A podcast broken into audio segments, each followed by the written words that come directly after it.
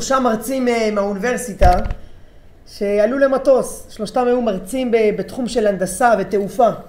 כשמתיישבים על המטוס, צוות הטיסה ניגשו אליהם בהתרגשות, אמרו להם את המטוס הזה בנו, את המטוס הזה בנו תלמידים שלכם.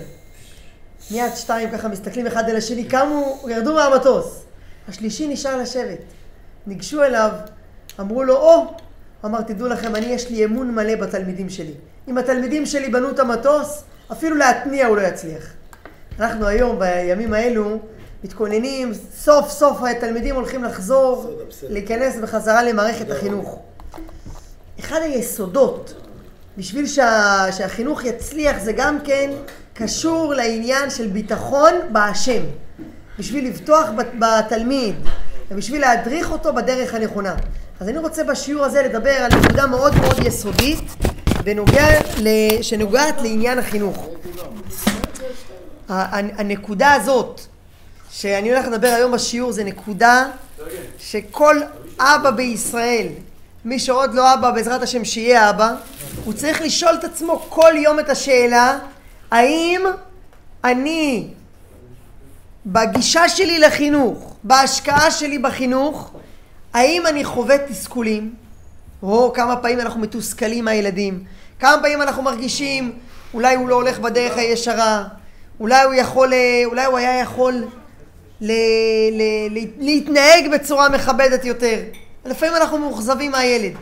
תשאל את עצמך, למה? למה אני מאוכזב ממנו? יש לי ציפיות גבוהות, זה הבן שלי.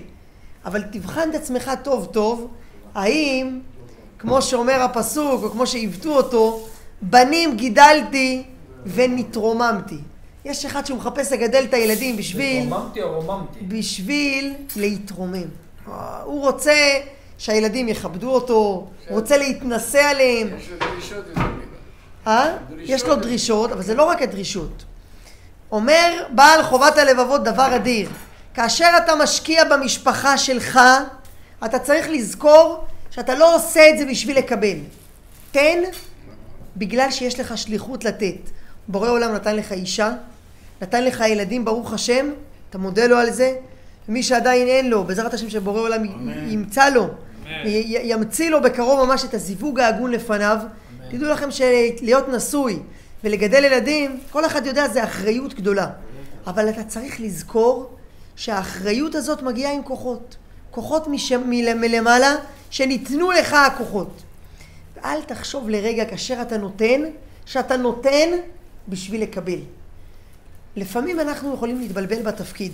אתה אומר, הרי אני מצווה לחנך את הילד. אני צריך להדריך אותו.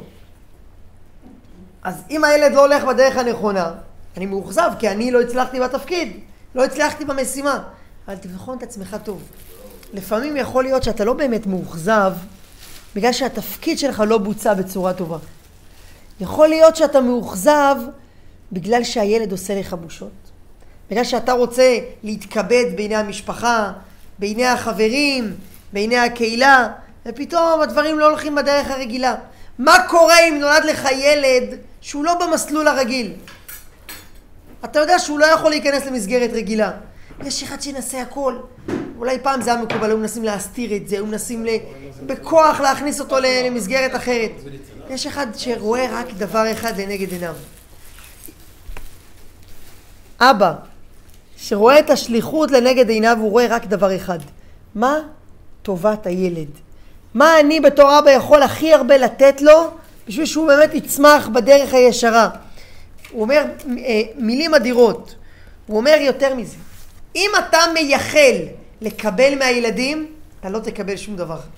להפך, יכול להיות שיהיה לך ביזיונות, יכול להיות שהילדים, כשתצטרך אותם, תגלה פתאום שהם מסננים אותך, שהם לא נמצאים שם בשבילך. רק אבא כזה, שרגע אחד הוא לא חושב על עצמו, הוא חושב על. טובת המשפחה, על טובת הילדים, ולמה הוא חושב על טובתם? בגלל שהוא יודע שבורא עולם מצווה אותו לתת להם. אתם יודעים דבר, דבר מדהים. בעל הקיצור שולחן ערוך כותב שלתת לילדים מגיל שש זה נחשב צדקה. זה נחשב מעשר. זאת אומרת, אתה רוצה לתת צדקה, אומרים לך, נכון, תן קודם כל אצלך במשפחה. אבל הגישה כאן, היא אומרת לך, אתה ניגש ואתה נותן, אל תחשוב מה אני ארוויח מזה.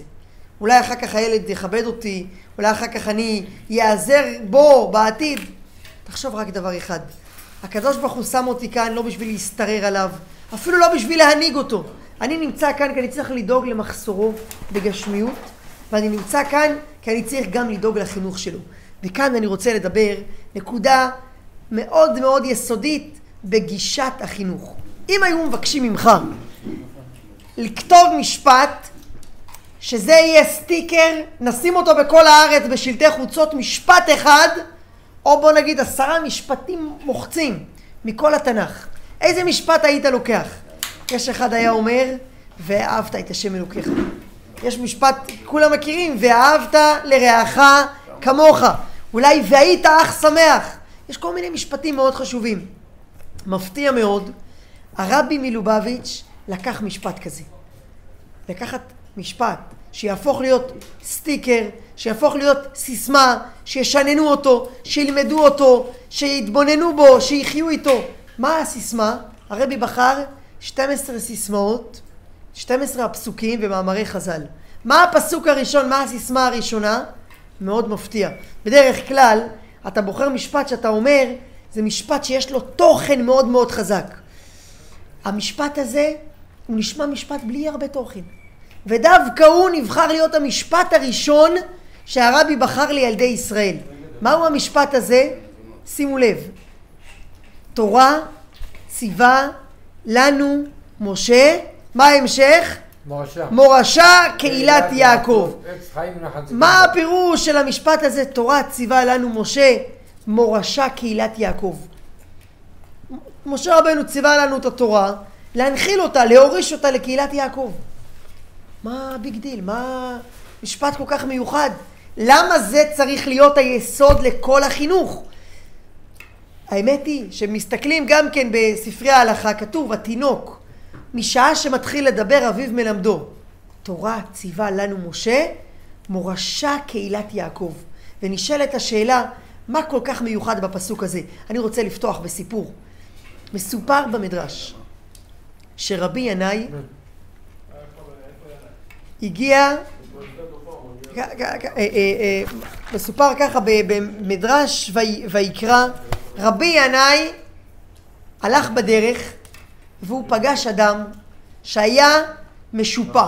מסבירים המפרשים למדרש מה זה אומר אדם משופע? הוא היה לבוש בבגדים מכובדים. הייתה לו איצטלה דה רבנן. אמר לו רבי ינאי, אולי אתה רוצה להתארח אצלי? אם אני אזמין אותך אליי, אתה תבוא? אתה תסכים להתארח אצלי? אמר אני מסכים. רבי ינאי הכניס אותו לביתו, האכיל אותו והשקע אותו. התחיל לדבר איתו בדברי תורה. הוא ראה שהוא לא מכיר גמרא, לא מכיר תלמוד. ניסה במשנה, ריק במשנה. ניסה במקרא, לפחות פסוקים מן המקרא, ריק במקרא. אמר לו רבי ינאי בסוף הסעודה, תברך. הרי ההלכה אומרת, אורח מברך כדי שיברך לבעל הבית. אמר אותו אורח, בביתו של ינאי, שינאי יברך. אמר לו רבי ינאי, אני יכול להגיד ואתה תגיד אחריי? אמר כן. אמר תגיד, אכל הכלב, אכל הכלב מהפיתה של ינאי. אז הוא קם, החזיק בו, ואמר לו, גזלן! תחזיר לי את מה שגזלת ממני, את הירושה שגזלת ממני. אמר לו, איזה, איזה ירושה, מה אתה רוצה? אמר לו, אני הלכתי פעם מאחורי החלונות של בית המדרש, ושמעתי שהמורה של הילדים הקטנים אומר להם, תורה ציווה לנו משה, מורשה קהילת יעקב. הוא לא אמר להם מורשה קהילת ינאי, הוא אמר להם קהילת יעקב. אתה קורא לי כלב? התורה היא שלי, התורה היא שלך גם כן בזכותי. אומרים המפרשים, אם היה אדם אחד חסר מהשש מאות אלף אנשים שעמדו במתן תורה, גם משה רבנו לא היה מקבל את התורה. גם רבי עקיבא לא היה מקבל את התורה. אומר לו אותו אדם, שהיה אמנם ריק מן התורה, אומר לו, אתה חושב לקרוא לי כלב? אתה יודע שבזכותי יש לך את התורה? וזה היסוד הכי חשוב בחינוך. כאשר אתה מגיע לחנך ילד, ילד אומר, למה מי אתה שתחנך אותי? מי אתה שתדריך אותי? אני רוצה למצוא בעצמי את הדרך, תן לי לחפש, תן לי לטום. אתה מגיע ואתה אומר לו, תדע לך, אני לא מחנך אותך בדרך שלי, כי אני בעל הבית על הדרך, ואני בסמכותי לתת לך את הדרך. לא. אני רוצה לתת לך את המפתח לאוצר ששייך לך.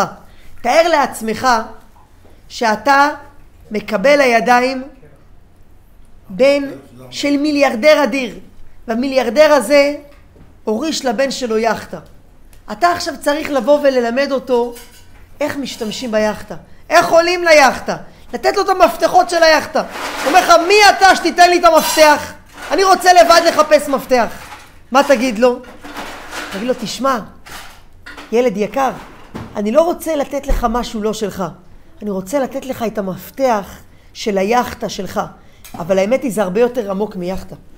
אתה אומר לו, תדע לך שהחיים שלך לא יכולים להיות מאושרים. אין דרך אחרת אם לא בדרך הזאת של התורה. וזה קשור קשר ישיר לחודש אלול, שאנחנו היום נכנסים לחודש אלול. חודש אלול זה חודש התשובה. מה זה תשובה? תשובה קודם כל זה אומר, תתחבר לעצמך, לשוב, לשוב הביתה, לשוב למי שאתה. כשאתה מגיע להתקרב, אתה לא בא להשתנות. לא אומרים תשתנה, השופר אומר תשתפר. חודש אלול אומר תעשה תשובה. מה זה אומר תשובה? תשוב למי שאתה. כי תדע לך שיהודי, ישראל, אף על פי שחטא, ישראל הוא.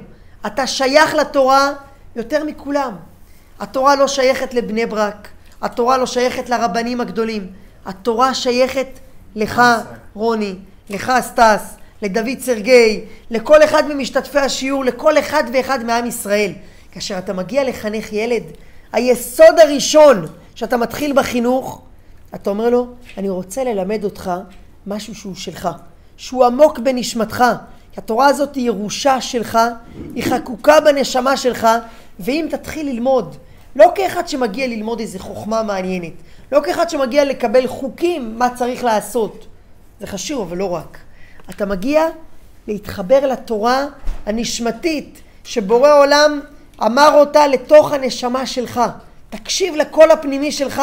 דרך התורה תגלה את עצמך, זה חינוך אחר לגמרי. אתה לא מנסה לשנות אף אחד. אתה לא מנסה להזיז אותו ממשהו, ממה שהוא לא למשהו אחר. אתה חושף בפניו את העולם הפנימי שלו. זה התוכן של תורת ציווה לנו משה. ויש כאן אבל עוד נקודה. לא כתוב תורת ציווה לנו השם מורשה קהילת יעקב. מכניסים פה כבר, כבר כאן מכניסים את משה. גם בחופה. אתמול זכיתי להיות בחופה. מה אומרים בחופה? הרי את מקודשת לי כדת משה וישראל. אומרים, תדע לך, אתה רוצה להתחבר לתורה? אתה צריך רבי. אתה צריך להיות קשור עם הרבה, כי הרבי נותן לך את הדרך לקבל את התורה כמו שהיא מתאימה לדור שלנו. כמו שהיא מתאימה בשנת 2023. יש תנועה של אנשים שכל הזמן מנסים להחזיר אותנו אחורה. אומרים, מה, איך היה פעם? מה היה פעם?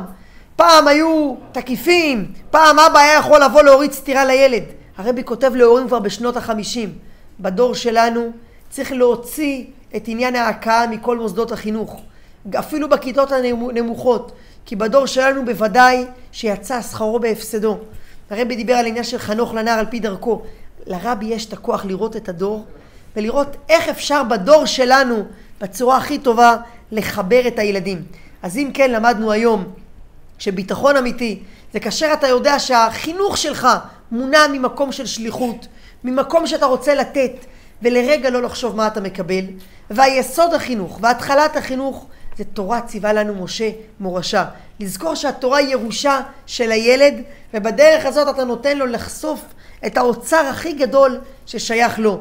אז אני רוצה במסגרת הזאת לאחל לבעל הבית, בעזרת השם שיזכה להכניס את בנו שייוולד, להכניס אותו. לחנך אותו לתורה, לחופה ולמעשים טובים. ובעזרת השם לכל המשתתפים של השיעור, לכל המאזינים של השיעור.